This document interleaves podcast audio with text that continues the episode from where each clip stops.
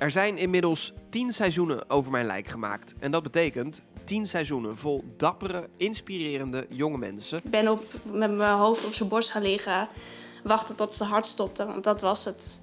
Dat is de eerste keer dat je wakker wordt eigenlijk meteen al en je partner is overleden. Joh, je geeft hem een laatste zoen in de hand en dan, dan, dan eigenlijk plat gezegd moet je het alleen doen. Veel thema's zijn in de afgelopen jaren besproken, maar nooit eerder bespraken mensen uit verschillende seizoenen dit met elkaar. Wat zou je tegen Tibby en Trudy misschien zeggen in deze fase van eh, verwerking, rouw, verlies?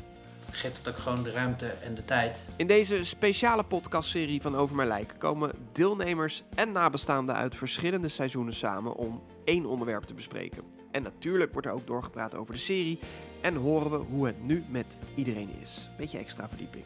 Wanneer komt de tweede? Eh, die komt er niet. En alle spullen van Jeff staan er ook nog. Zijn tandenborstels, zijn schoenen, alles gewoon nog. Dat, eh, dat blijft voorlopig nog staan ook. Dus vanaf 27 februari in de gratis NPO luisterapp Over Mijn Lijk, de podcast.